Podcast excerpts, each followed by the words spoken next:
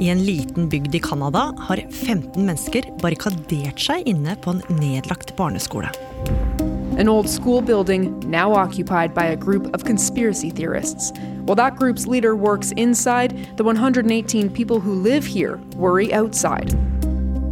Den som står bak det hele, sier hun er utnevnt som dronninga av Canada. To the we the people of the Kingdom of Canada, I address you today as your Commander-in-Chief and Queen. Men innbyggerne i den vesle bygda vil ha henne vekk. We don't know exactly what their goal is, what their intentions are, and they're constantly threatening people. Shut her up, shut it down so that we can go back to our lives. Hvem er den såkalte dronninga, og er hun bare en harmløs konspirasjonsteoretiker? Eller er hun faktisk farlig? Dette er bare én av episodene Oppdatert har å by på denne uka, eksklusivt i NRK radioappen. Der kan du også høre disse episodene. Det ble presentert som en ny og revolusjonerende kryptovaluta.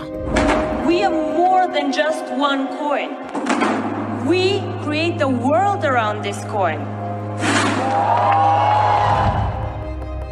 Det var bare ett problem. Ingenting av det som ble sagt, stemte.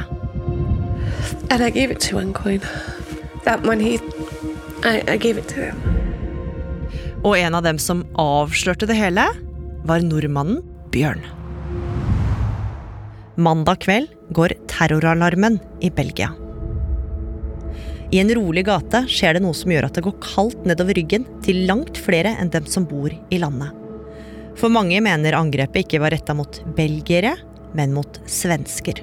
Två personer som enligt belgisk polis är svenska medborgare dödades igår kväll i centrala Bryssel i samband med landskampen mellan Belgien och Sverige.